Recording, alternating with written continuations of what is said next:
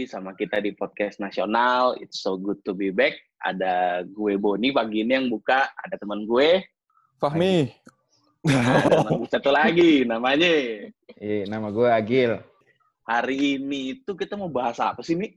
Nah, hari ini kita mau bahas tentang all about research di dunia UX dan juga kita hari ini sudah sudah ditemani Bon Gil sama tiga Sri Kandi. Nah, Cuma sebelum kita mulai nih, kayak biasa, yang namanya podcast nasional, kita harus memberikan hal-hal yang ins- inspiratif nasional. Nah, sebelum itu, dari Mas Agil katanya mau ngasih pantun dulu nih. Coba Mas Agil, Siap. mohon diberikan pantunnya. Ya, jadi balik lagi karena kita ini nasional, jadi harus mengusung budaya-budaya nasional. Salah satu Yoi. budaya nasional kita adalah pantun, makanya kita harus mempertahankan budaya ini. Jangan sampai diklaim dengan negara lain. Oke. Kita balik lagi nih. Langsung aja nih, gue pantun nih. Belajar dengan guru kimia. Setelah itu ketemu mama. Sebelum acara kita mulai, mari bersama ucapkan Bismillah. Panas dingin karena meriang. Beli obat di perempatan. Kenalkan nih teman-teman, pemateri kita, Sri Kandi Nasional. Oke teman-teman. Jadi kita kedatangan Sri Kandi Nasional nih teman-teman. Jadi Sri Kandi Nasional ini eh, merupakan Sri Kandi, Sri Kandi yang bergerak di bidang UX Researcher. Nah, tapi menariknya sebelum mereka di eh, UX Researcher, background mereka itu bukan orang yang berkutik dengan eh, researcher pada sebelumnya, bukan ber- berkutik dengan UX lah. Nah, eh, eh, pemateri-pemateri kita ini terdiri dari tiga orang. Nah, yang pertama itu kita kedatangan Mbak Lia gitu. Halo Mbak Lia. Halo, halo, halo. Nah, sehat Mbak? Sehat, alhamdulillah. Mbak boleh ceritakan sedikit nih background-nya Mbak Lia sebelum eh, berpindah ke UX researcher itu apa Mbak sebelum? Sebelum aku di UX researcher, aku itu telco engineer. Telco, Telco engineer, iya, Telco telco engineer ya. engineer. Ha-ha. Eh, Background pendidikan aku telco-telco juga. Telco, Aku S2 telco. manajemen telekomunikasi, S1-nya teknik elektro telekomunikasi. Semuanya Oke. telco. Telco jadi emang Dari nggak ada UX. kaitannya dengan UX Nggak Mbak, ada. ya? Nggak ada UX UX ya sih. Nggak ada Bang. Oke, terima kasih Mbak Lia. Nah, selanjutnya ini Hmm. kita ada Mbak Gina nih. Halo Mbak Gina. Hai semua. Nah, Mbak Gina ini background-nya apa Mbak sebelum jadi UX researcher ini? Kalau background sih sebenarnya eh, kemarin sih nggak nyambung sih ya sama research, jadi nggak ada research researchnya. Nggak ada. Eh, kalau kemarin itu nggak ada. Heeh, jadi Hmm. kalau kemarin tuh eh, gue ada di procurement, procurement pengadaan. Iya. Pengadaan. Ya, ya, ya, ya. gitu. Jadi kalau background ininya eh, perkuliahannya Mbak Oh, kalau kuliah sih eh, gue ambil ekonomi kemarin. ekonomi ya ya. Hmm, Mbak Gina ini ya betul. Mbak Gina ini ini ya eh, lulusan luar negeri juga kan ya? Iya, sempat eh, kemarin ambil S2 di Jerman sih. Oh, S2 di Jerman luar Oh, biasa. iya. Berarti dari ekonomi masuk ke UX researcher. Menarik, menarik, menarik. Nah, satu Iya. lagi nih kita kedatangan Mbak Sekar. Halo Mbak Sekar. Halo. Sehat Mbak? Dari tadi pertanyaannya ini mulu sehat Iya, sehat. oh iya. Gil, Jadi- mau ditanya yang lain Gil itu. Ini ini format Mbak, format soalnya. Kalau ditanya kapan nikah pas kondangan soalnya kan. Iya, iya, iya.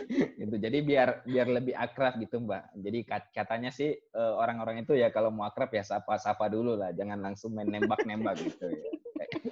Nah, Mbak, Oke oke. kalau background Mbak nih sebelum ke UX researcher itu apa, Mbak sebenarnya? Oke, kalau aku sendiri hmm, hampir enam tahun kerja itu mainly di produk. Produk tuh Produk, mulai iya. dari produk strategi, uh, produk Hmm. pricing, market Mm-mm. research, sama pernah juga di go to market. Gitu. Oh, go to market ya. Anak ya, produk ya. banget ceritanya dulunya. Jadi emang produk eh, dari produk mau migrasi eh, ke user ya sekarang ya. Iya biasa. betul. Nah, nah untuk eh, Mbak Sekar nih, kenapa sih eh, milih ingin menjadi UX researcher berpindah dari yang sebelumnya Oke. ngurusin produk sekarang menjadi UX researcher itu kenapa Mbak? Hmm, Sebenarnya gini sih, aku ngerasa di tempat kerja aku, terutama sebelum-sebelumnya, itu tuh sering banget kita bikin produk, mau launching produk, mau rilis produk, atau bikin sesuatu yang baru, itu tuh kayak kita sebenarnya nggak tahu-tahu amat tentang user tuh maunya kayak gimana sih gitu. Hmm. Jadi emang eh, aku awalnya ada di produk dulu, baru ke market research kan. Jadi untuk tahu apa yang dibutuhin sama pelanggan itu tuh kadang kita kayak ah ya udah berdasarkan data aja gitu.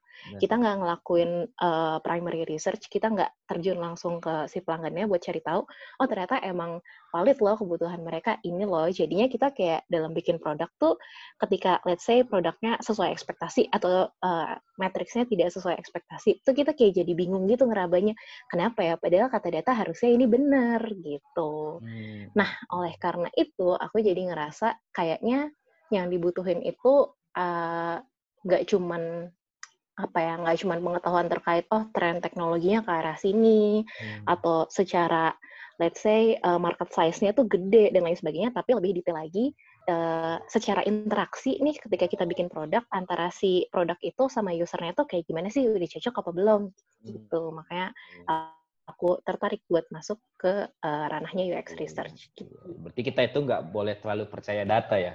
Bukan nggak boleh percaya data sih, ketika kita punya data sekunder, tuh kita Iya. perlu verify lagi. Oh, gitu. di verify. Oke, itu teman-teman. Mm-mm. Jadi data itu jangan 100% dipercaya, tapi harus di verify. Kalau mau percaya, percaya sama Tuhan. Kalau percaya data benar.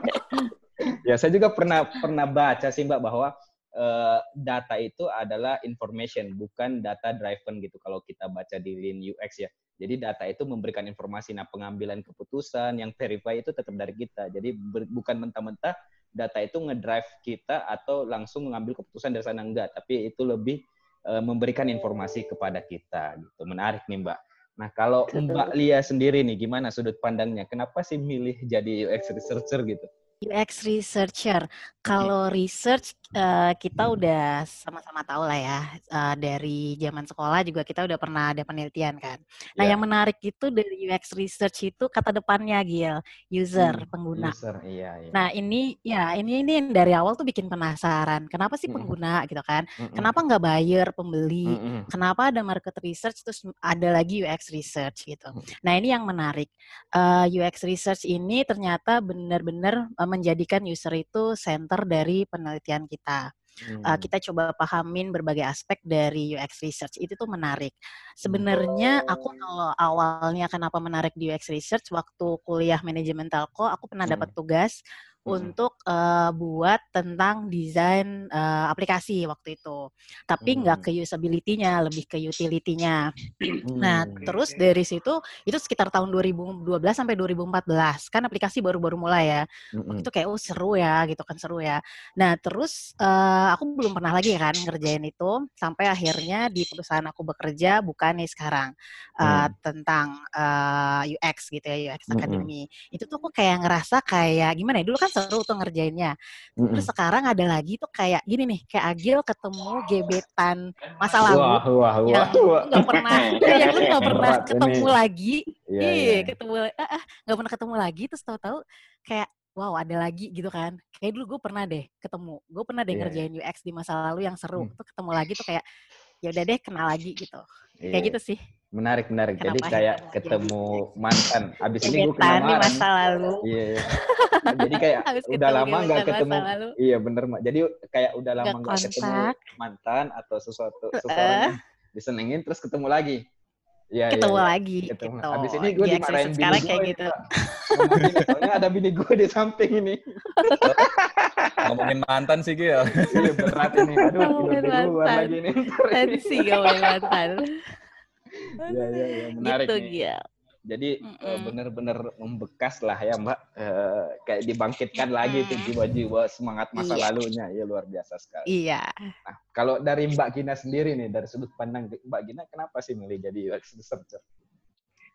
Kalau gue sih sebenarnya jadi eh, kan kalau misalnya zaman sekarang tuh itu karena tren sih sebenarnya. Jadi emang awal-awal tuh kayak eh, UI UX, ah, jadi kan kayak lagi ngehits banget tuh, lagi booming banget kan UI UX, UI UX, UI UX tuh apa sih gitu. Terus akhirnya gue cari-cari tahu, eh, ya eh, quite quite interesting gitu, kayak yang menarik. Ada research-nya, ada interface-nya gitu. Terus ab- abis itu deep dive, deep dive, deep dive lagi. Ya oke nih kayaknya nih buat nambah-nambah skill. Buat zaman Hmm. sekarang kan emang harus digitalisasi kan. Mm-mm. Digitalisasi ya udah akhirnya mau coba mencoba eh, ambil itu dengan waktu itu ada di Telkomselnya di, di kantor gue di Telkomsel itu emang lagi ada semacam kayak akademi gitu untuk UI UX. Nah dari situ uh, match nih kayak udah udah udah cari-cari tahu, terus uh, lagi ada kesempatan pembukaan gitu, terus ya udah udah jadinya ikut gitu sih. Hmm, benar-benar. Jadi ikut eh, baca tren. Nah ini penting juga teman-teman kita itu harus tahu baca tren jangan sampai kita ketinggalan nih sama tren-tren Mm-mm. yang sekarang Betul. gitu. Iya, sekalian nambah skill juga sih. Nambah skill juga ya. Yo, Terus iya. ada opportunity dari kantor, kenapa nggak Nah. disikat gitu kan ya? Iya, gitu Betul, guys. betul. Nye- Nyesel nggak sih Mbak pindah ke UX Researcher sekarang? Atau justru malah bahagia nih Mbak? Kalau kalau gue sih eh, karena emang suka ya, maksudnya kayak Oh, pas iya. udah dijalanin gitu Betul. ya, aktivitas itu menyenangkan. Jadi Hmm. kayak banyak ketemu orang gitu kan, Hmm. kayak dari ke user-user cari tahu pain point-nya apa, cari tahu insight-nya, terus dapat banyak banget tuh yang kayak kita nggak kepikiran sebelumnya. Itu dapat banyak gitu, yang aneh-aneh. Dan Yang itu tuh menarik gitu. heeh. Betul, Jadi betul, kayak betul. kita tuh bisa tahu banyak-banyak user tuh sukanya apa, user tuh nggak sukanya apa. Itu banyak banget dapatnya sih di situ. Dan Hmm. itu seru banget menurut gue sih. Iya benar. Jadi UX researcher itu benar-benar seru teman-teman. Jadi teman-teman nih yang belum terbuka pikirannya untuk eh, tertarik atau memiliki passion terkait bertemu dengan user. Nah ini kesempatan yang baik untuk teman-teman. Kalau misalkan menurut mbak-mbak bertiga nih, eh, UX research sendiri itu apa sih, mbak? Apa sih yang bikin beda? Eh, kan researcher banyak gitu kan. Apa sih yang bikin beda UX researcher ini? Kalau menurut Mbak Lia itu gimana, Mbak? Kalau menurut oke, kalau menurut aku ya Bon, UX research mm-mm. itu deeply studying people. Nah, di sini ada kata Oke. deep ya, dalam. Jadi jadi kita memahami user-user kita tuh secara mendalam. Artinya mendalam itu apa sih gitu. Ini yang membedakan dengan research lainnya sih menurut aku. Eh, yang terpenting itu kita bukan cuma tahu behavior dari user kita. User kita suka apa, user kita milih yang mana gitu. Jadi bukan itu sih yang utamanya. Tapi yang penting adalah meaning behind the behaviors-nya itu. Nah, ini UX research menurut aku. Yoi, yoi. Itu dalam banget sih. Kalau misalkan menurut Mbak Sekar, apa tuh Mbak? UX research buat Mbak? Oke, kalau menurut aku Mm-mm. mungkin dibedainnya dua kali ya, eh, UX research versus market research. Kalau market research itu menurut aku lebih ke fokusnya adalah cari tahu sebenarnya kalau kita mau bikin produk gitu, ada nggak sih yang mau beli produknya? Siapa sih yang mau beli produknya? Terus kayak eh, let's say spending behavior dia kayak gimana dan lain sebagainya. Nah, kalau misalnya UX res- research itu itu eh, fokusnya lebih ke interaksi sam- antara customer sama produk gitu atau antara user sama produk. Terus kalau misalnya ditanyain em, emang perlu gitu UX research emang nggak bisa kalau let's say UX designernya aja yang ngelakuin research gitu. Siapa tahu ya ada pertanyaan kayak gitu. Itu tuh sebenarnya nih jawaban jujurnya menurut pengalaman saya nih sebenarnya nggak susah ngelakuin UX research itu gitu. Sebenarnya kalau desainer mau bikin let's say usability testing dan lain sebagainya bisa-bisa aja. Cuman sebenarnya yang mau kita cari tahu itu bukan cuman kalau oh ini ada insight loh atau oh eh, ini jelek loh fitur ini ternyata eh, jelek banget loh atau gimana? Karena sebenarnya kalau kalau dari satu desain itu ada kesalahan yang major banget, mungkin semua orang emang bakal bisa nunjukin, oh ini jelek, oh ini jelek banget nih, gitu. Tapi nggak semua orang bisa nangkep ketika si user itu tuh ada sedikit perubahan gestur mungkin dan lain sebagainya yang mengindikasikan kayak, oh kok kayak dia nggak nyaman ya kayak gini. Nah itu sih yang yang kenapa uh, diperlukan dedicated UX researcher. Gitu. Insecure, Bon. Insecure. Insecure. gokil, gokil. Mantep banget. Emang nih narasumber kita hari ini. Kalau misalkan menurut Mbak Gina, apa nih Mbak UX research Mbak?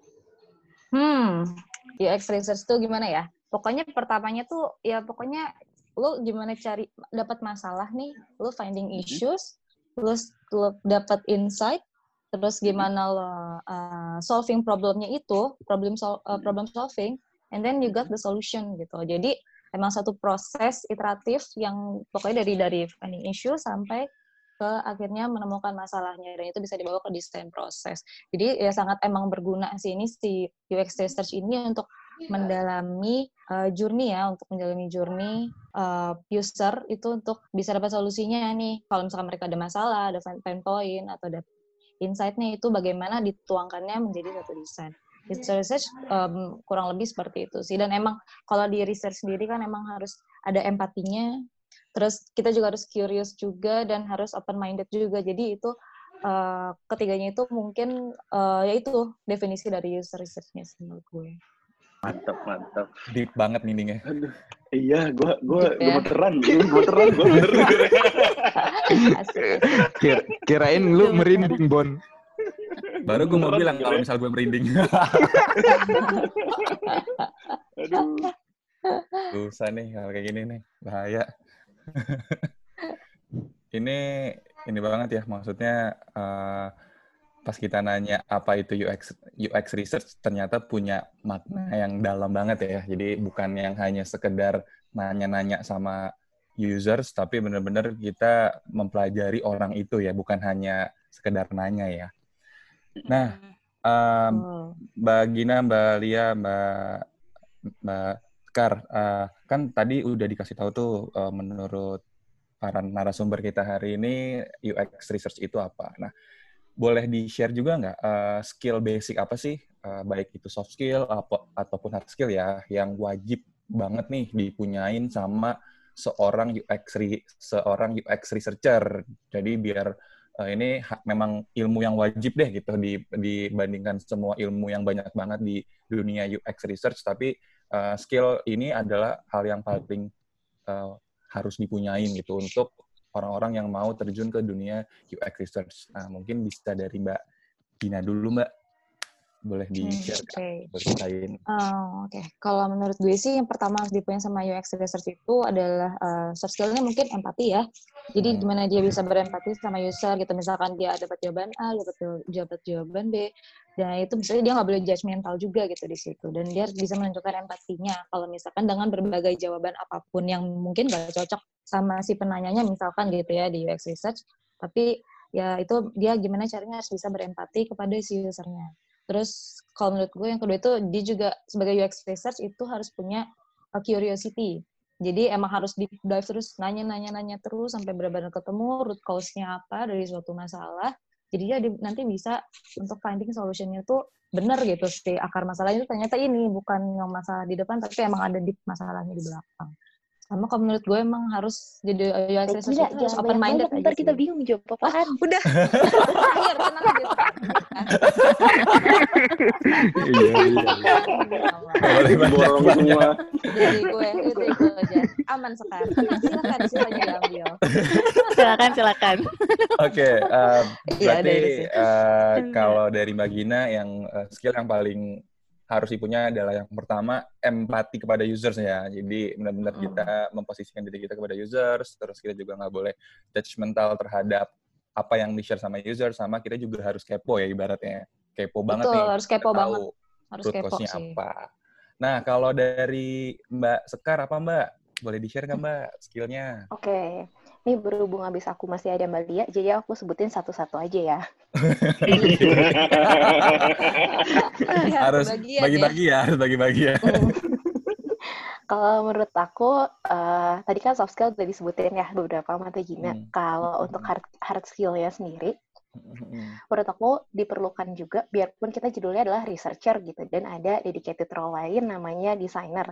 Tapi kita juga perlu tahu tentang desain proses tuh seperti apa sih, karena eh, kita kan jadi kuncian buat ngasih insight ke teman-teman desainer loh. Ketika kita nggak paham proses desain kayak gimana, ketika kita nggak paham uh, fungsi dari desain itu kayak gimana, dan kita nggak punya sensitivitas terhadap desain tuh, kita kayak nggak bisa maksimal juga gitu dapat insight dari user terkait sama desainnya itu sendiri gitu. Kalau menurut aku, sama uh, untuk soft skill ya, nambahin yang tadi udah Tegina sebutin, Mhm. itu adalah yang menurut aku yang penting banget adalah willingness untuk berkolaborasi. karena ya ya namanya manusia ya kan makhluk sosial nggak bisa hidup sendiri. Pun kita kita sebagai UX researcher juga nggak bisa kalau ini pokoknya insight gue yang paling benar gitu. Lo harus uh, bikin segala sesuatu berdasarkan insight ini. Nggak bisa kayak gitu gitu. Kita juga harus berkolaborasi sama stakeholders yang lain.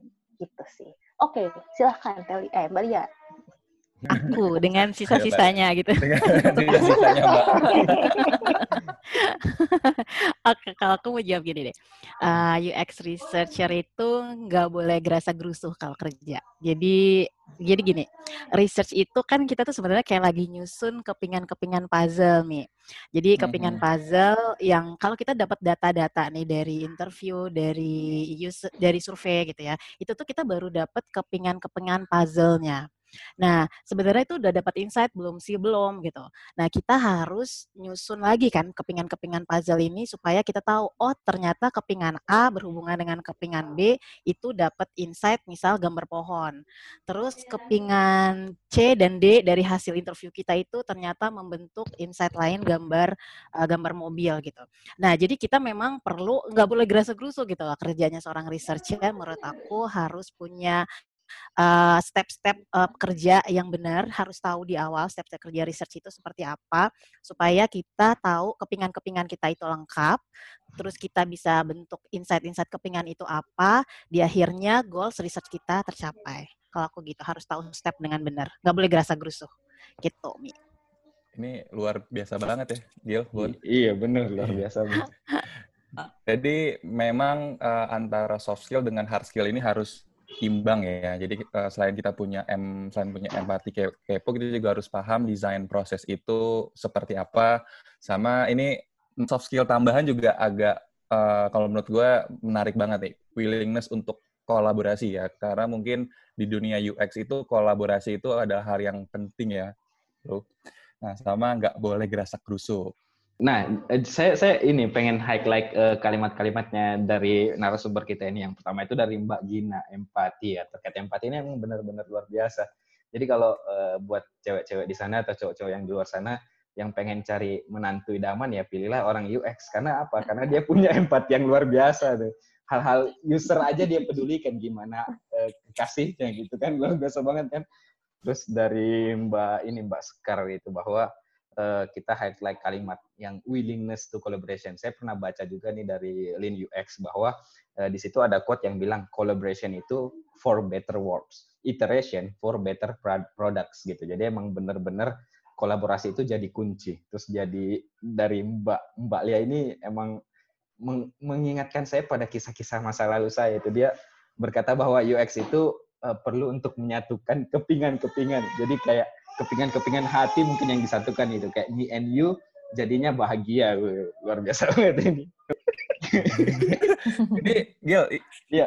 ini enggak ini enggak lagi bahas mantan kan Gil? Uh, enggak jadi ya, saya, saya di, dibangkitkan lagi uh, kenangan-kenangan masa lalunya itu. Oh. ini gue nyaut. teriak men. Ini aja mana ini ini gue nyaut. Waduh gak makan siang ini ntar nih.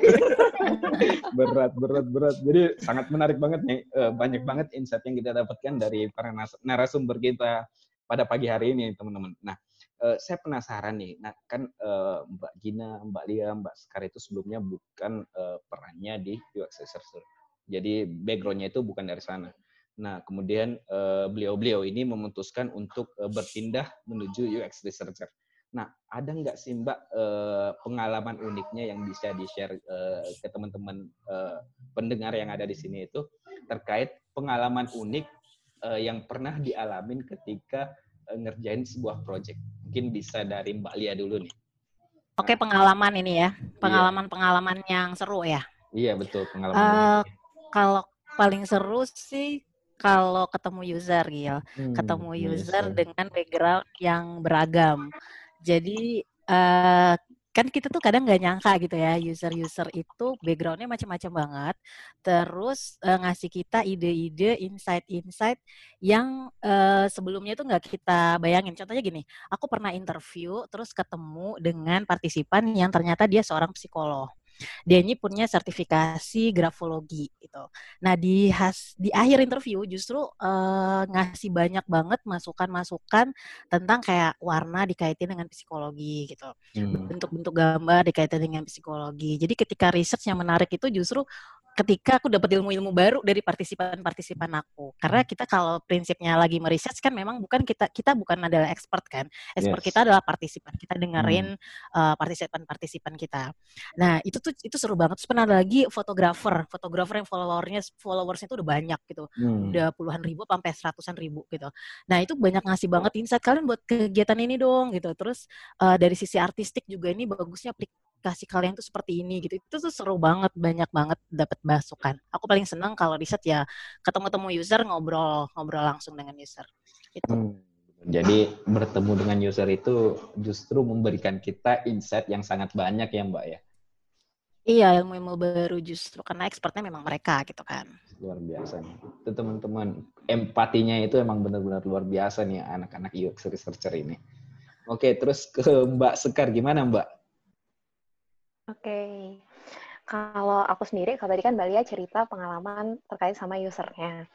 Kalau aku lebih ke insight yang didapat nih setelah ngelakuin Hmm. research. Jadi, em, kan gimana ya? Jadi di tempat kita bekerja sekarang, itu kan eh, anggapannya adalah kita tuh taunya berdasarkan data dan berdasarkan katanya-katanya, itu tuh Hmm. user itu atau pelanggan itu maunya beli paket yang murah. Pokoknya Hmm. kayak buat mereka tuh harga tuh nomor satu gitu kan. Hmm. Terus kita pernah nih ngadain research dan kita interview beberapa eh, responden, beberapa narasumber. Ternyata ada narasumber yang insight-nya menarik. Dia Hmm. ngomong kalau, Mbak, sebenarnya saya tuh nggak terlalu masalah sama harga paket yang ditawarin gitu. Cuman nih, eh, masalah saya tuh adalah ketika eh, paket internet saya habis, itu tuh saya nggak bisa ngapa-ngapain sama sekali. Di rumah saya nggak ada wifi.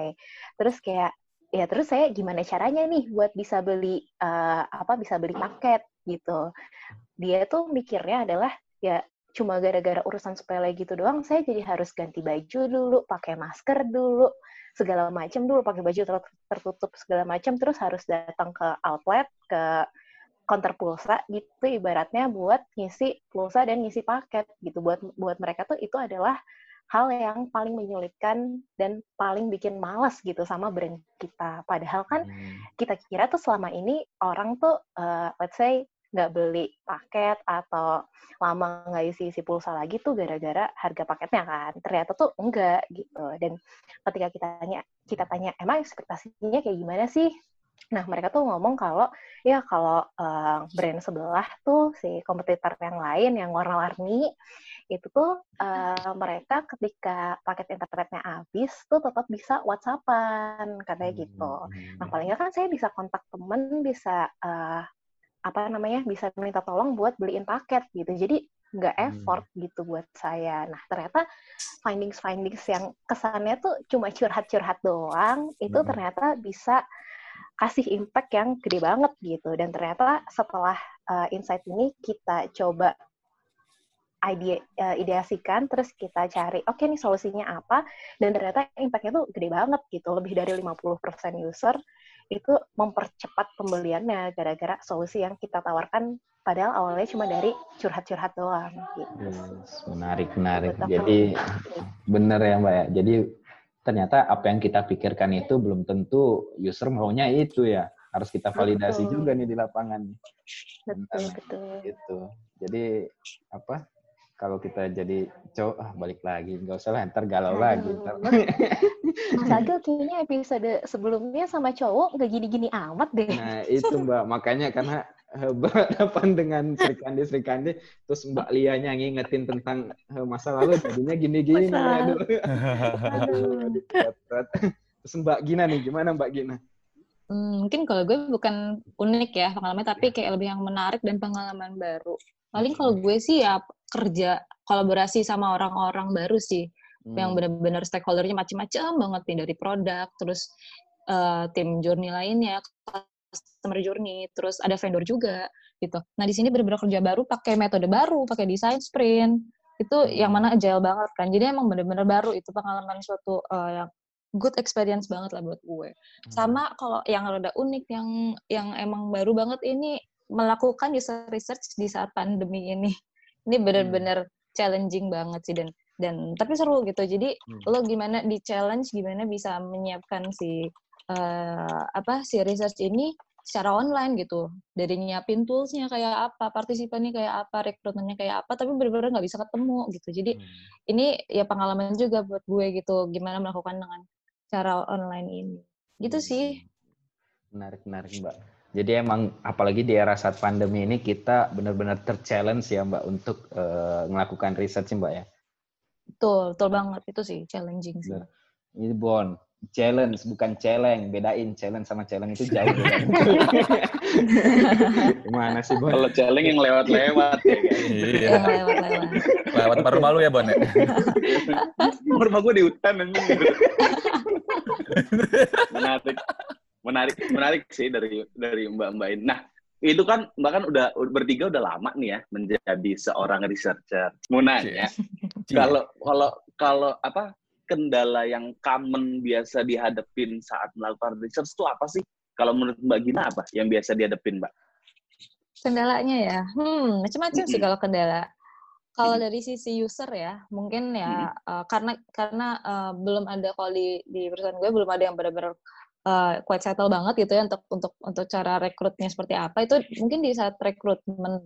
Jadi gimana kita menemukan eh, partisipan yang eh, benar-benar sesuai target banget gitu karena emang belum ada yang eh, apa yang settlenya seperti apa gitu kayak cara merekrutnya kayak gitu Terus eh, dari sisi user sih paling eh, apa ya? Belum menemukan challenge-challenge yang yang sangat nyusahin banget sih. Menurut itu maksudnya baru tantangannya baru di situ aja cara cara merekrut gitu. cara merekrut berarti. Tapi memang susah sih ya. Maksudnya ketika kita mau mendapatkan user yang memang apa, yang memang bagus gitu untuk kita ini memang ada susah sih. Memang itu jadi kendala Iya. juga sih memang. Iya, soalnya kadang-kadang kalau misalkan kayak yang terdekat gitu kan jadi kayak downhole, downhole testing gitu kan. Jadi kayak kayak Mm, bisa mm, bias nanti datanya juga bisa jadi muddy dan dirty gitu. Jadi enaknya betul, emang eh, ya cari partisipan emang harus banget sesuai target yang kita mau kriterianya gitu. Dan kalau misalnya sekarang juga kan challengingnya di saat pandemi kan nggak bisa keluar ya nggak bisa ke mana-mana. Jadi emang benar-benar harus diminimalisasi ketemu orangnya jadi emang harus online gitu kan. Nah, kalau menurut Mbak Lia, yang biasa Mbak hadepin waktu melakukan riset, kendalanya apa, Mbak? Eh, aku setuju tadi sama Gina eh, soal rekrutmen ya partisipan. Karena kita kan belum ada kayak eh, khusus gitu yang untuk bahkan untuk menelpon partisipan sih masih kita lakukan sendiri gitu kan. Nah itu sih lumayan. Eh, eh, terus yang kedua eh, tadi yang tadi ku bilang karena research itu kan sebenarnya kayak kita nyusun lagi nih puzzle-puzzle, kepingan puzzle gitu. Nah kepingan puzzle ini tuh jangan sampai bolong gitu. Kalau bolong kita nggak tahu kan ternyata nih gambar apa gitu. Ada yang hilang, ada yang nggak ada gitu. Nah supaya nggak hilang nih gimana gitu supaya nggak hilang di awal research question kita harus benar gitu. Terus eh, pada saat kita interview juga harus benar. Kita tuh harus ada kayak teorinya itu kayak ada five why ya. Jadi nanya misalnya user jawab kenapa suka ini karena ini karena ini kenapa terus nanya lanjut gitu sampai lima kali. Nah itu tuh yang tantangannya banget gitu. Kalau nggak biasa tuh kayak suka udah dapat jawaban dari user ya udah gitu. Sangkanya itu udah udah udah udah benar gitu, udah dapat Udah insight benar. begitu Oke. kita mm, begitu kita lagi tahap ngumpulin puzzle tadi ternyata oh ini puzzle ini nih nggak ada puzzle ini nih masih bolong jadi aku nggak bisa dapat insight secara keseluruhan gitu Bon ngumpulin itu oke, dengan oke, oke. kepingan-kepingan ini dengan benar itu sih tantangannya Oke. Menarik sih, tapi emang, emang kata Mbak Lia bener sih yang five why itu karena ketika kita menanyakan why-nya itu more eh, lima atau lebih gitu, mungkin di situ baru keluar insight-nya. Kalau misalkan baru nanya yang Iya. why pertama, itu masih apa sih masih di atas banget sih, belum belum dapat Iya. insight-nya bener. iya benar, benar, itu tuh yang kadang suka suka kelewat gitu kan Betul, gitu, betul, betul, betul. Oke, kalau kalau dari Mbak Sekar, tantangan yang selama ini berjalan apa nih Mbak? Oke, sebenarnya tantangan tuh banyak sih Mas Boni. Berat-berat. Berat sih. Banyak, Bon. Ini kali ya, kalau aku tuh em, agak senada tapi beda poin sama Mbak Lia. Jadi eh, salah satu tantangannya itu adalah gimana caranya kita bisa solving the right problem gitu. Jadi kadang kan eh, gini sih, kadang kita tuh terjebak sama kesibukan. Kadang kita tuh kayak taunya, aduh ini udah mulai sprint, aduh ada sprint lagi, sprint lagi, sprint, sprint, sprint, sprint gitu. Kayak nggak kelar-kelar gitu. Padahal, terus uh, ketika kita udah hektik tuh kita cenderung kayak ngelakuin sesuatu dengan cara yang sebelumnya kayak gitu-gitu aja. Misal kayak yeah. oke okay, iya. nih di sprint ini yang dibutuhin adalah usability testing gitu. Terus jadinya kok malah cuma seakan-akan kayak UT doang nih kerjaan kita gitu kagak kagak nyentuh yang lain-lain. Padahal sebenarnya yeah. kalau kita lihat needs-nya customer itu problemnya itu bukan cuman ketika mereka dihadapkan sama fitur baru loh, tapi ternyata ada problem yang lebih gede. Jadi menurut aku itu sih challenge utamanya adalah uh, gimana cara kita bisa ngasih insight yang ngasih tahu kalau problem utamanya itu sebenarnya yang ini loh. Ayo kita um, apa ya, istirahat dulu bentar, kita mikir dulu gitu, terus kita mikirin sebenarnya yang dibutuhin sama customer tuh apa sih? Apakah udah tepat kita bikin fitur macam-macam dan kita cuma ngelakuin UT, UT, UT, dan UT gitu? Atau justru kita butuh uh, yang lain juga nih? Atau jangan-jangan ternyata di roadmap besar dari produk kita kayaknya arahnya mendingan ke arah sini nih. Itu sih untuk um, selain menemukan untuk nge-convince stakeholders-nya juga, terutama mungkin untuk yang levelnya udah tinggi-tinggi ya, yang udah tahu, ah pokoknya rencana gue roadmap harus kayak gini, fiturnya yang diluncurin harus kayak gini gitu. Padahal kadang ada ada temuan-temuan yang yang mungkin berharga juga gitu. Gimana cara kita mengkomunikasikan. Gitu hmm. Oke, menarik banget nih. Gimana cara kita mengkomunikasikannya? Tumi, itu yang penting nih. Gimana caranya kita bisa komunikasi sama nggak cuma sama tim kita tapi sama stakeholder gitu. Karena ya ketika kita doing research ini kan memang nggak cuma kita dan tim aja kan. Ini kan punya punya semua gitu. Punya product owner punya stakeholder yang lain gitu.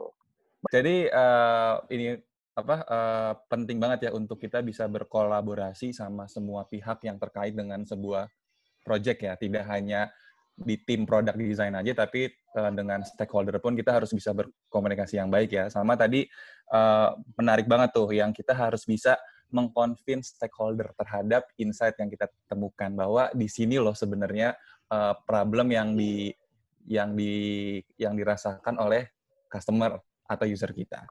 Menarik, menarik. Nah, mau melanjutkan nih pertanyaan yang tadi. Nah, kan uh, berarti dari Mbak Lia, Mbak Gina, dan Mbak Sekar udah udah sering nih melakukan research. Nah, biasanya kalau proses atau step-step kalian dalam melakukan research itu apa aja sih misalnya dari fase persiapannya terus dari ketika kalian uh, menjalankannya terus sampai akhirnya sudah selesai meresearch itu boleh di share nggak atau diceritakan deh proses-proses atau step yang dilalui itu seperti apa nah mungkin dari Mbak Alia boleh di share nggak Mbak? Oh, Oke, okay, Mi. Sebelum research itu kita tentuin hmm. dulu pastinya objektif research kita kan. Objektif research kita ini mau ngapain sih? Ini ada project apa gitu. Terus kita peran kita sebagai researcher untuk apa gitu di researchnya. Nah setelah itu baru ini kita turunin research question namanya. Hmm. Research question yang terkait dengan objektifnya apa. Di research question ini baru kemudian kita tentukan lagi uh, kita mau pakai metode yang mana. Jadi jangan jadi nggak dibalik nih. Kita hmm. ada ada project terus oke okay, kita mau research pakai apa nih kita perlu interview enggak kita kita buat dulu research questionnya apa baru terus kita turunin dari situ metode kita apa nah ada yang namanya teori triangulasi jadi per research question itu sebaiknya tiga metode jadi uh, orang kan sering banget ya pertanyaan pakai metode yang mana, kuantitatif, kualitatif. Itu sebenarnya sebaiknya di mix gitu. Per research question ada kuantitatif, ada kualitatif, uh, ada tiga metode per research question. Nah dari research question ini udah kita tahu metode, terus kita tahu juga schedule, uh, kita buat nih partisipan kita juga siapa kan target-target kita di awal itu di awal di plannya. Terus baru kita masuk ke uh, eksekusi. Eh sebelum eksekusi kita persiapan dulu sih persiapan dokumen apa pun itu ya persiapan dokumen terkait dengan research, schedule, terus baru kita eksekusi. Setelah eksekusi research, nah di bagian selanjutnya nih yang lumayan cukup uh, cukup menantang ini adalah sintesisnya. Kita udah dapat data-data, kemudian kita sintesis data, analisis, uh, yang penting juga setelah dapat insight adalah kita mempresentasikan, mempresentasikan apa yang kita dapatkan ke stakeholder-stakeholder kita. Jadi benar banget tadi kalau misalnya dibilang kolaborasi itu penting, karena kita tuh nggak bisa sendirian, Mi. Jadi kayak mm-hmm. kita lagi research nih mengeksekusi, kita butuh partner untuk eksekusi research kita. Terus dengan hasil insight kita perlu menyampaikan uh, hasil-hasil insight kita ke stakeholders yang lain, kita perlu kolaborasi kan dengan UID, dengan UXD dan stakeholder yang lainnya. Gitu sih aku. Ya, supaya tadi ya nggak kebanyakan di aku, silakan yang lainnya. menarik banget, menarik banget. Menarik banget. Uh, Kalau dari Mbak Sekar, Mbak, gimana Mbak kalau pengalaman Mbak Sekar? udah lengkap. Jadi bingung mau ngomong apa. um, apa. Ya sebenarnya kalau kalau overall stepsnya kurang lebih mirip sama yang Mbak Lia sebutin sih. Cuman mungkin yang ditekankan sebelum kita uh, apa namanya conduct primary research itu biasanya kalau kalau aku pribadi nih uh, prefer buat ngelihat segala sesuatu dari analyticsnya dulu gitu. Jadi kita okay. kolaborasi sama teman-teman analytics atau mungkin lihat data dari GA. Um, sebenarnya si hipotesa kita, tadi kan Mbak Malia sempat ngomong kalau oh ya ini ada research question, terus ada ada apa ya, ada dasarnya dulu lah kita sebelum ngelakuin sesuatu. Nah sebenarnya itu tuh bisa dibuktiin sama data dulu nggak sih sebelum kita uh, nanyain langsung ke customer gitu atau ke user. Karena kadang tuh uh, ya namanya orang ini ya namanya orang berasumsi itu kan bisa ke mana-mana. Padahal sebenarnya itu bisa di uh, kita konfirmasi dulu lewat data gitu sih. Kalau aku sukanya di sebelah situ gitu. Ya berhubung ini sebenarnya bingung sih mau jawab apa. Oleh karena itu, ayo kita lanjut ke Dina. Aduh, udah habis nih gue. silakan Mbak Gina, silakan Mbak Gina. Oke, apa ya? Itu udah lengkap semua sih sebenarnya dari Mbak Lia dan sama Spar tadi. Mhm. Cuman mungkin tadi gue nambahin ya, mungkin di awal itu sebelum kita research, saya masuk ke research, tahap research itu biasanya paling uh, kita meeting sama stakeholder dulu, getter-getter insight ya dari mereka apa, requirement-nya seperti apa, sama ya tadi getter data yang analitik gitu. Jadi nanti disatukan seperti apa, baru nanti masuk ke tahap research. Yang mana kalau kalau gue bagi sih ya tahap research itu ada tiga. Jadi di hmm. pre-test, pre-test itu uh, pre-test, saat tes dan post-test. Jadi pas pre-test dia siap research plan-nya seperti apa, bikin objektifnya, research objektif, metode partisipan, sampai nyiapin insentifnya nih, insentifnya berapa kan itu juga kadang-kadang kelupaan gitu ya. Terus habis itu tesnya, pas conductingnya, iya itu suka kelupaan kadang-kadang tuh. Pas nyiapin, terus pas tesnya, sampai terakhir pas post tesnya itu, itu jadi nanti habis tadi habis post test itu bikin affinity diagramming, terus sintesis, sama kita bikin rekomendasi dan udah present ke stakeholder yang mana itu juga harus diperhatikan cara mengkomunikasikannya. Gitu sama sih sebenarnya. Okay. Berarti memang harus meng, harus mengcombine dari data analytics yang kita punya terhadap asumsi kita, uh, apakah as, asumsi kita sudah bisa divalidasi ya oleh data analytics itu. Jadi pas kita nanya ke users juga kita benar-benar tanyanya itu terkait dengan usersnya itu sendiri ya gitu ya. Menarik betul, menarik. Betul. Sama tadi nah. paling paling menarik tuh insentif ya. Jadi kayaknya yang bikin hmm. yang bikin tertarik uh, partisipan kayaknya hal yang itu kayaknya bagi cuan cuan cuan ya. cuan mau melakukan sesuatu tapi apa gitu kan maksudnya balikannya timbal balik menarik menarik menarik ini kan eh, panjang nih prosesnya dari ada yang pre dulu terus dalam pre-nya itu banyak sub-subnya terus eh, ada in-nya in testnya terus Halo? di dalamnya juga banyak bagiannya Terus yang terakhir itu uh, bagian post testnya nih uh, juga banyak banget insight, uh, banyak juga proses yang ada di dalamnya. Nah, uh, mau nanya nih ke Mbak Gina mungkin uh, di dalam proses-proses itu mana sih bagian yang paling sulit dan kenapa itu menjadi bagian tersulit menurut Mbak Gina? Aduh, perbagian sebenarnya kuat challenging sih ya. Hmm. Cuman kalau misalkan uh, kalau yang dari gue rasakan kemarin itu yang paling sulit um, mungkin di tahapan hmm, mungkin di pos kali ya karena waktu kemarin hmm. itu kan jumlah researchernya di kita itu kan belum belum banyak ya. Jadi kayak masih masih benar-benar sedikit gitu ya kalau boleh dibilang. Nah jadi ini untuk untuk cara maksudnya kita untuk untuk menentukan matriksnya seperti apa. Nanti pas di belakang itu pas post habis post test menentukan matriks terus pas amenity diagramming atau pas sintesis itu kadang-kadang tuh kayak masih suka silo gitu masih sendiri-sendiri. Jadi uh, ya itu harapannya sih lebih bisa kolaboratif lagi dan mungkin nanti lebih mature lagi untuk research-nya, untuk UX research-nya, untuk jumlahnya gitu. Gitu sih. Menarik banget nih. Kalau sudut pandang Mbak Lia gimana nih? Bagian paling sulitnya Mbak?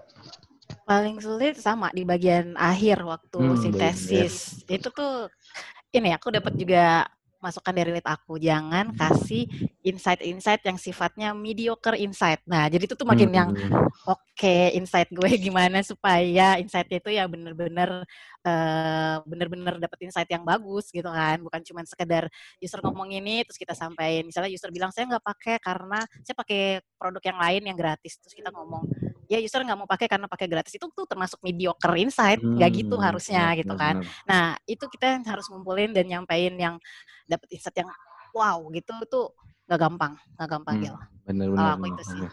Ini nyari insight-insight yang eh, bener-bener eh, bisa kita gunain buat eh, sintesis solusinya mungkin Mbak ya. Mm-mm, bisa kita kumpulin dari tadi sintesis terus kita dapetin sesuatu yang wow ini loh masalahnya gitu itu tuh yang yang yang susah Susah benar-benar. Nah kalau dari Mbak Sekar sendiri gimana Mbak? Oke, kalau aku kayaknya agak beda nih sama yang lain. Kalau yang Mm-mm. lain kan pada di post research-nya. Kalau aku Iya, iya. menurut menurut aku yang paling susah tuh justru di pre Pri. gitu sebelum kita ngelakuin research. Kenapa? Karena eh gini, sebenarnya tiap kali kita ngelakuin research, itu kan harapannya setelah research yang dilakukan ada actionable insight kan. Insight itu nggak cuma kayak sekedar tahu doang, tapi bakal dilakuin jadi sesuatu. Hmm. Nah, dilakuin jadi sesuatu, itu kan pasti akan butuh effort. Yang bisa menyaring. Jadi menurut aku, uh, UX researcher itu punya peranan yang cukup vital nih dalam menentukan uh, project mana yang sebaiknya kita prioritaskan untuk ambil duluan.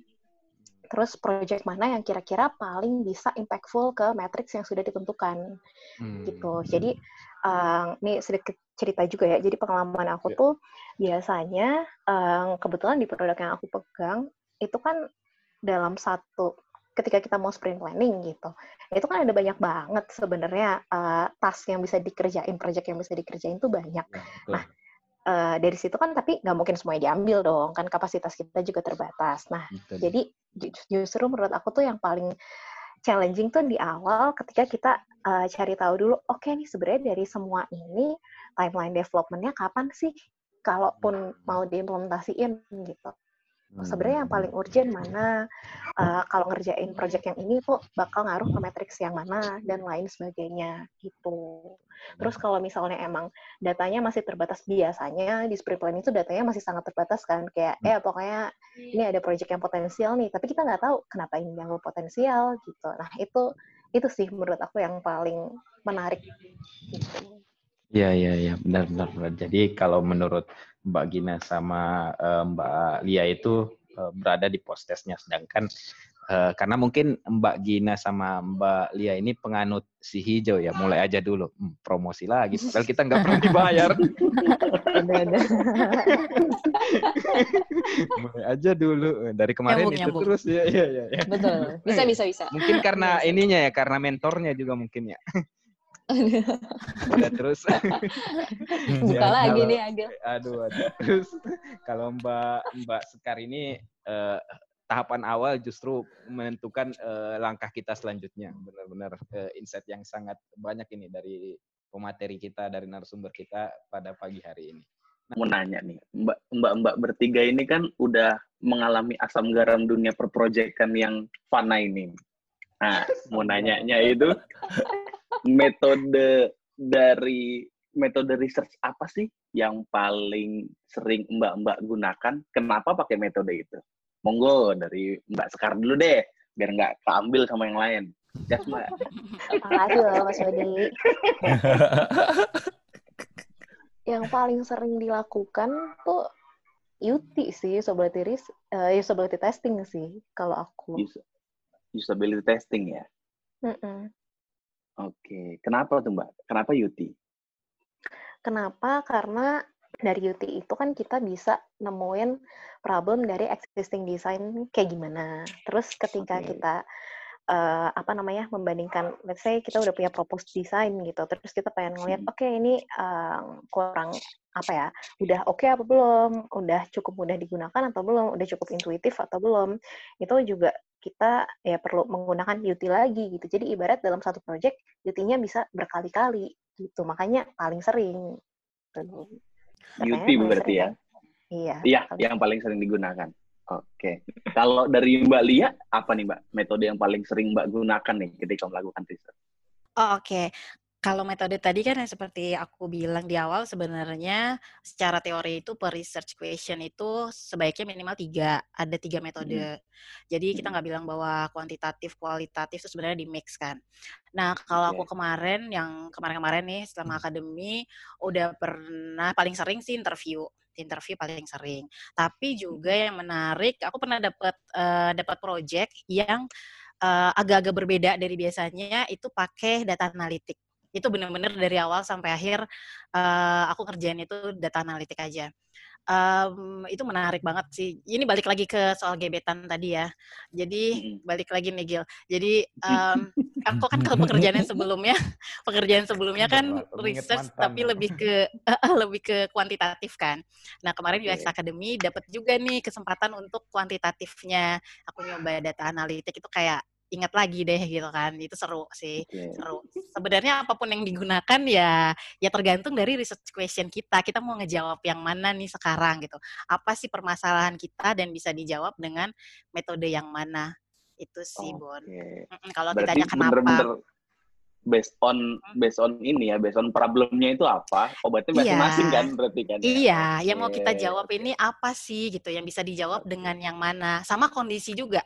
Kondisi maksudnya kondisi sekarang dengan waktunya nih kita bisa ngelakuin yang mana. Dengan budget kita bisa ngelakuin yang mana. Itu sih juga jadi pertimbangan. Oke, Ber- berarti kondisional banget memang ya Mbak Lia ya? Iya, conditional. Kan metode itu banyak banget. Kita kita Iya, bisa pilih betul. yang mana yang sesuai gitu. Oke, oke. Kalau dari Mbak Gina, metode apa nih Mbak yang paling sering Mbak pakai?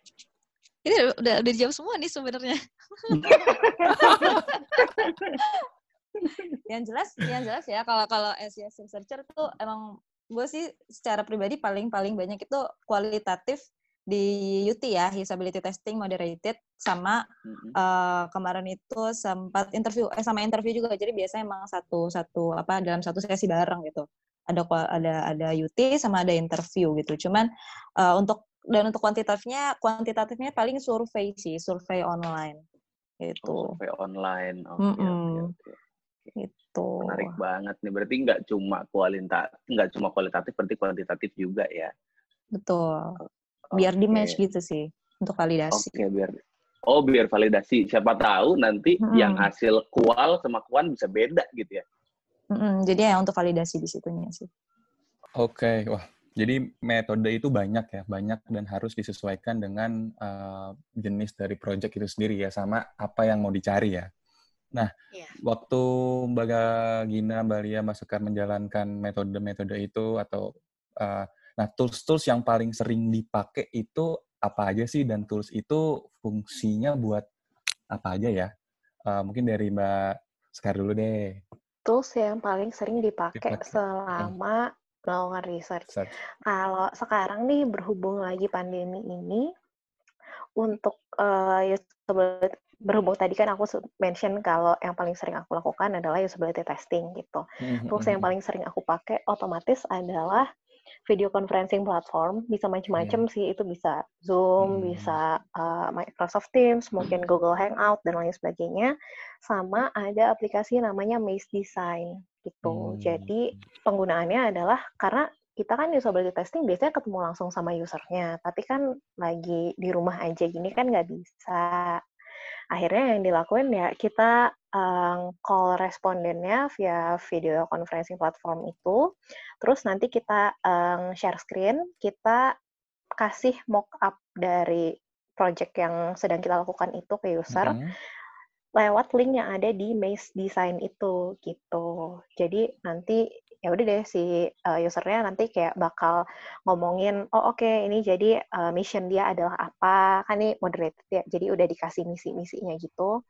Terus uh, ntar dia menyebutkan kayak aduh misal kayak saya disuruh nyari apa tapi kok agak bingung atau gimana atau mungkin menurut dia cukup jelas dan lain sebagainya. Jadi kita tetap bisa melihat apa yang usernya lakukan, uh, apa yang usernya rasakan, biarpun kita sedang berjauh-jauhan gitu. Cie. Oke ya. Jadi meskipun berjauh-jauhan tetap bisa merasakan Gil. Asik, asik. macam macam hubungan LDR aja ini. Macam hubungan LDR. Terus kalau dari Mbak Gina apa Mbak yang bisa di-share Mbak tools-tools yang sering dipakai Mbak? Tools ya. Paling hmm. kalau gue mungkin kebedain kali ya kan ada yang offline ada yang online. Kalau hmm. secara offline itu mungkin ya kayak kamera, recorder untuk ngerekam sama laptop hmm. mungkin ya. Terus hmm. kalau online sih biasanya sih gue dari Google Docs tuh, Google Docs nyiapin dokumen-dokumen, terus online meeting tadi yang kayak kata Sekar bilang, di Zoom, di Google Hangout segala macam. Ada CloudX juga sekalian promo. Wow. Terus iya. Terus uh, ya mesh design tadi untuk untuk ya tadi untuk moderated atau unmoderated uh, eh, UT-nya mm-hmm. sama Figma juga tuh penting tuh Figma sebagai sebagai ini ya untuk membuat prototipenya seperti apa dan Google Forms ya itu tadi untuk post testnya. Itu sih kalau tools-toolsnya mungkin. Ya, udah ya. semua. Next question, next question. abis, abis, abis. Oh, dari Mbak Lia, kalau dari Mbak Lia, apa Mbak? Uh, uh, sama sih kurang lebih, tambahin uh, pakai Miro untuk sintesis data. Kita pakai Miro untuk ngegabungin itu bisa waktu di sebelum pandemi juga pakai itu sih. Sekarang apalagi kita semua online pakai Miro untuk nyatuin sintesis kita. Untuk ideation juga sempat pernah pakai itu juga. Uh, terus aku pernah nyobain yang unik, ada namanya cultural prop. Jadi cultural itu kayak hmm. diary study gitu. Mm -mm, diary study kita buat tools uh, untuk partisipan kita, kita buat Uh, jadi ada lembaran-lembaran yang kita buat sendiri nih. Kira-kira uh, user kita nanti akan menuliskan tentang uh, apa activity-activity dia sehari-hari di lembaran kertas itu. Jadi kita buat gambar-gambar tuh lucu. Terus satu kits uh, isinya juga ada um, pena warna-warni, pensil warna-warni. Jadi user bisa nulisin ngegambarin uh, pakai pensil warna-warni itu. Itu cultural prop diary study. Seru sih itu. Lucu itu juga ya, ada pensil ya, warnanya gitu ya. Iya iya iya satu satu kit. Ini yang yang agak beda sih. Kalau yang lain kan kayak apa ya software gitu ya. Kalau ini tuh hmm. benar-benar buat sendiri dari kertasnya aku print gitu gambar-gambar terus aku siapin pensil dalam satu kotak. Seru banget ya berarti toolsnya itu ada yang untuk uh, conference ya kayak Zoom, terus Hangout atau Teams, terus juga uh, gunain Google Form ya untuk mungkin untuk serba apa uh, sebar survei, terus juga ada ada ada mesh design karena lagi masa pandemik. Jadi untuk share ini ya prototype ya si mesh design ini ya. Terus ada oh. Figma juga untuk bikin prototipenya sama ada Miro. Tadi tuh Miro untuk sintesis ya untuk, untuk sintesis data ya? bisa, iya, ideation juga bisa. Oke, sama yang terakhirnya yang menarik nih karena uh, ini kayaknya jarang dipakai nih sama orang-orang ya yang kultural prop ini ya untuk uh, dari yes, tadi yes, ini ya, ya. Gitu. Menarik menarik sih. Gil? Oke. Okay. Sehat Gil? Iya, alhamdulillah bro. itu itu pertanyaan format ini. Tanyain kabar. Lagi diem-diem aja Gil. Oh, iya, iya. Lagi bayangin apa sih? Lagi iya. bayangin hubungan jauh yang nyata Gil. Eh, eh, mantan, mantan. Ini jaga komunikasi dulu cuy, ada bini soalnya. Oke oke. Nah, uh, Mbak-mbak ini kan uh, sebagai Sri Kandi nasional di UX researcher ini uh, kan uh, sebelumnya backgroundnya bukan dari UX researcher. Kemudian uh, migrasi berpindah uh, menjadi UX researcher. Nah, yang saya ingin tanyakan ini gimana sih caranya belajar biar bisa uh, migrasi buat teman-teman di luar sana mungkin ada yang mau uh, meniru jejak para Sri Kandi nasional ini. Nah, mungkin ada tips dan triknya nih uh, gimana sih cara belajar yang baik atau uh, metode belajar apa nih yang teman-teman sering gunakan untuk bisa migrasi dari yang sebelumnya bukan UX researcher menjadi UX researcher. Apalagi di era-era uh, pandemi saat ini nih. Mungkin dari Mbak Gina nih gimana Mbak? Oke, mungkin kalau dari gue banyak-banyakin ini aja, baca medium tuh, medium, terus lihat-lihat IG yang kan sekarang udah banyak tuh UX UX-an Iya. gitu. Kayak agil.set itu kan udah banyak kan sharing-sharing mau UI UX gitu. Terus podcast-podcast kayak gini gitu yang sangat insightful gitu. Sama kalau bisa sih mungkin bisa coba-coba buat use case-nya, bikin portfolionya untuk kalau mau shifting karir banget ya atau atau mengartis gitu. Gitu sih. Kalau Mbak Sekar gimana, Mbak? Oke, kalau menurut aku sebenarnya skill yang paling uh, susah dibiasakan sebagai UX researcher ini adalah critical thinking. Kritika. Jadi. Uh, mm-mm.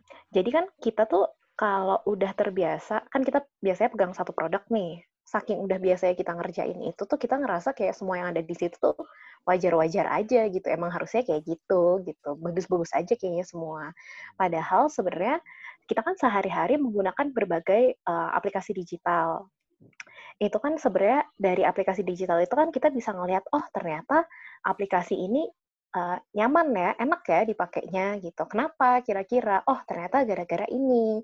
Oh kalau misalnya dibandingkan sama uh, aplikasi yang atau produk yang kita punya, kira-kira plus minusnya di mana gitu. Jadi secara nggak sadar dalam berkegiatan sehari-hari itu kita ngelakuin semacam uh, competitive analysis gitu. Tapi sebenarnya itu untuk mengasah critical thinking kita gitu sih kalau aku. Iya, iya, iya, menarik banget, Mbak. Jadi emang critical thinking ini adalah kunci untuk seorang UX researcher ya. Benar menarik. Kalau Mbak Lia sendiri gimana, Mbak Lia? Kalau aku tadi kan pertanyaannya uh, pindah ya, bisa pindah Iya. terus belajarnya gimana gitu ya. Kalau aku tuh dulu awalnya di list dulu Gil. Hmm, Uh, new capability itu ada apa aja sih kira-kira gitu kan. Aku list, oh ada ada data science, ada macam-macam gitu. Terus ini nih apa gitu, cari tahu dulu. Sampai akhirnya nemu kalau oh aku tuh kayaknya cocoknya di sini gitu. Kalau kita udah ngerasa kayak itu tuh dengan cara baca-baca juga ya, baca-baca semuanya. Begitu kita Hmm. udah tahu, oke cocoknya di sini, nggak maksa gitu ya, kita udah Hmm. tahu. Terus uh, baru dari situ tuh dengan dengan enaknya, dengan gampangnya kita kayak udah langsung apa ya udah langsung oh, cari tahu sendiri lagi, belajar, terus uh, nyobain. Jadi awalnya sih menurut aku kita harus yakin dulu sih, kita harus cari tahu dulu bahwa bidang ini tuh memang cocok buat kita. Setelahnya belajarnya udah tinggal ngikutin enak gitu menurut aku ya. Hmm, benar-benar Mbak. Jadi Mbak Lia ini emang luar biasa. Selalu mengingatkan saya tentang masa lalu, masa-masa lalu saya dulu. Jadi awalnya cari kecocokan dulu nih. Kayak cari jodoh gitu, cari cocok Iya. dulu. Kalau udah cocok, Iya. yakin gak nih? Kalau yakin ya udah lanjut Aduh. aja gitu. Jalannya udah enak Iya. kan kalau udah yakin kan. Berat, berat, berat, berat. Iya. Aduh, aduh. Oke. Itu Gil. Jadi intinya lo harus ngeliat dulu cocok atau enggak. Kalau udah cocok baru dilanjutin Gil gitu.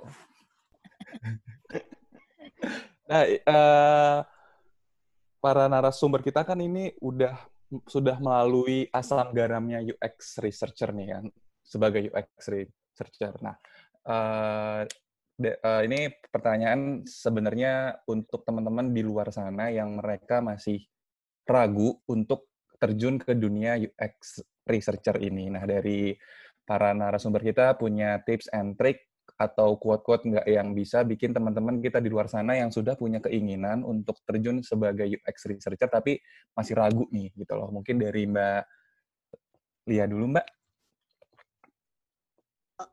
Kalau ada yang ragu, nggak apa-apa sih biar UX researcher-nya kita aja. Nggak apa-apa. Nggak, Jangan nama saingan ya, Mbak. Jangan ada saingan. ya nggak Gil, saingan itu kan Berat, jangan Mbak. ada gitu ya Gil ya. Susah dapetnya ya. Ada saingan Nah, berat. Nah, itu Mbak bener. Eh, enggak enggak. Jadi em, UX research itu menarik. Menarik. Kita anggap aja kita kayak lagi main tadi yang aku ngomong berulang-ulang. Anggap aja kita kayak lagi main, lagi nyusun puzzle gitu. Eh, jangan nganggap ini sebagai suatu kayak aduh research apa sih penelitian gitu namanya zaman sekolah namanya penelitian tuh kayak berat. Anak-anak berkacamata mungkin anak-anak seperti apa gitu. Enggak enggak. Ini anggap aja kita kayak lagi main nyusun puzzle gitu ya nyusun puzzle, oh kita berusaha mengumpul, mengumpulkan tadi potongan-potongan puzzle, kemudian insight-nya apa ya, itu tuh seru, itu seru kayak lagi main aja, kayak lagi main nyusunin gitu. Itu sih menurut aku jangan jangan takut buat uh, udah dengar kata research-nya dulu terus jadi kayak parnoan enggak seru kok dijalanin asal kita yakin tadi kita udah ngerasa cocok yakin udah jalanin aja uh, jalannya akan ada ya enggak Gil? Iya betul, Mbak. biasa ya. Pasti ada jalan. Itu Itu intinya Apa sih? ngomong lagi sih?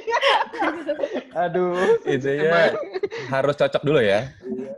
harus cocok dulu Nah, itu. yang nggak usah parnoan mah dengan kata research-nya gitu nggak Mm-mm. Nah, jadi eh, menurut Mbak Lia ini ya UX researcher ini nggak usah terlalu dibawa pusing ya karena sebenarnya Iya. kayak main aja ya kayak kita lagi mencari potong-potongan puzzle terus kita kita kita susun puzzle-nya jadi sebuah gambar gitu ya. Nah, kalau dari Mbak Gina, Mbak, ada nggak Mbak Hmm. tips-tipsnya atau triknya, Mbak? apa ya mungkin kalau misalkan ku- kalau gue sih mungkin series ini sama kayak tadi Mbak Lia nggak usah takut dengan research duluan gitu kan kayak penelitian tuh kayak yang science banget ilmiah banget gitu kan suatu yang kayaknya berat banget gitu. Jangan jangan dibawa ke situ sih. Jadi eh, nanti mungkin nanti mikirin aja karena kalau misalkan dengan melakukan UX research itu bisa dapat dari dari problem-problem yang ada itu bisa dapat outcomes atau misalkan eh, dapat insight-insight dapat findings yang baru yang mana sendi- eh, lo sendiri pun gitu bisa buat suatu produk yang baru gitu jadi bisa apa namanya inovatif lah gitu Jadi bisa melatih kita untuk berpikir inovatif juga ya untuk kita Betul, kalau kita terjun inovatif. ke dunia UX researcher. Nah, jadi buat teman-teman yang masih ragu, jangan ragu. Nah, mungkin nih Hmm. eh, buat Mbak Sekar ada tips and trick juga nggak Mbak? Oke, ini berhubung ke terakhir.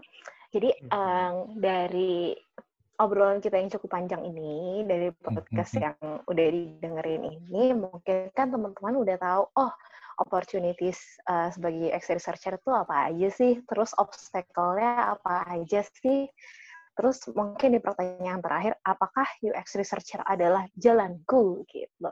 Jalan ninjaku ya. bukan? Jalan ninjaku. Sebenarnya kan tahu sendiri juga nih kita bertiga, tiga narasumber nggak ada yang backgroundnya emang dari awal UX gitu. Jadi sebenarnya untuk jadi UX researcher yang yang oke itu tuh sebenarnya bukan background gimana-gimana ya yang dibutuhin, tapi mungkin adalah menurut aku pribadi nih yang paling dibutuhin itu adalah mindset karena UX itu kompleks. Terus kayak kita tuh harus selalu bertumbuh gitu loh. Kita nggak bisa puas dengan oh ya udah nih gue udah jago gitu. Terus dong gue nggak mau ngelihat tren UX terkini kayak gimana, ngelihat user lagi kayak gimana tuh nggak bisa gitu. Curiosity juga sangat penting. Jadi ya itu sih eh, balikin lagi kira-kira siap nggak nih untuk men-challenge diri sendiri tiap hari? Ya siap nggak untuk bertumbuh tiap hari? Kalau siap, ayo silahkan eh, cari aja gitu opportunities-nya gitu sih menurut aku. Jadi intinya kalau emang teman-teman di luar sana mau men-challenge dirinya setiap hari, mau tumbuh setiap hari, maka langsung aja nyebur ke UX researcher. Harus nyebur ya, Mbak ya. Jangan jangan pelan-pelan ya, jangan kaki dulu, jangan tangan dulu ya. Langsung nyebur ya. Tenggelam, Hmm, tenggelam. Cuma Tenggelam. Mati cuy, kan tenggelam. Nah, sebelum kita akhiri ini, saya ada eh, semacam fast question nih buat eh, mbak-mbak yang ada di sini, buat, buat para serikandi nasional kita nih. Mungkin dari Mbak Lia dulu nih. Mungkin saya nggak butuh alasannya, Oke. cuman butuh jawab aja dengan cepat, Mbak. Gitu. UI atau UX? UX UX. UX researcher atau UX designer? UX researcher dong UX researcher atau UX writer? UX researcher UX researcher atau UI designer? Aku UX researcher Oh, UX researcher. researcher Terus eh, fungsional atau manajerial, Mbak? Wah, berat nih. Ini nggak bisa cepet jawabnya. duitnya, duitnya, duitnya. duit- duitnya, oh Duitnya. duit. Nggak penting nggak ada yang nggak bisa jawab di sini, Mbak. ya? Duitnya. Duitnya, oke. Ilmu atau pengalaman, Mbak? Hmm, Dua-duanya. Dua-duanya. Harus pilih ya. Iya, harus pilih salah satunya. Mbak. Pengalaman deh. Pengalaman, Pengalaman, pengalaman, oke. pengalaman. Investasi ilmu atau investasi harta? Uh, investasi ilmu untuk investasi harta. Oh. Kalau disuruh pilih salah satunya berarti lebih milih ilmu ya Mbak ya? Investasi ilmu dulu, nanti kan Nah. aku dapat bisa investasi harta. Iya gitu. luar biasa. Satu pertanyaan terakhir lagi nih Mbak. Karena Mbak ini Oke. adalah Sri Kandi, jadi milihnya karir atau keluarga? Dua-duanya. Dua-duanya. Dua-duanya dong. Berat ya Mbak pertanyaannya. Oke, Iya, dua-duanya. Dua-duanya. Kalau Mbak Gina sendiri nih, UI atau. UX? UX. UX, UX researcher atau UX designer? UX researcher. Ini sama ya? Iya, formatnya sama, Mbak. Berarti emang Oh, sama, kedudukan oke. UX researcher ini paling tinggi lah ya. UX researcher atau UX writer? UX researcher. UX researcher atau UI designer? UX researcher. Fungsional atau manajerial? Hmm. Manajerial. Manajerial. Ilmu atau pengalaman? Pengalaman. Pengalaman. Investasi ilmu atau investasi harta? Investasi ilmu. Karir Dulu. atau keluarga? Oh, investasi ilmu dulu. Ah, nih, susah nih yang terakhir ini. Kalau gue prioritas keluarga. Gue Keluarga. keluarga. Keluarga nomor satu, Bon. Makanya cari Keluarga nomor keluarga, satu. Bon. Bon. Iya, Bon. Bon. Bon. Iya, iya, iya, iya, iya. Gue dah, gue dah yang salah. Gue dah.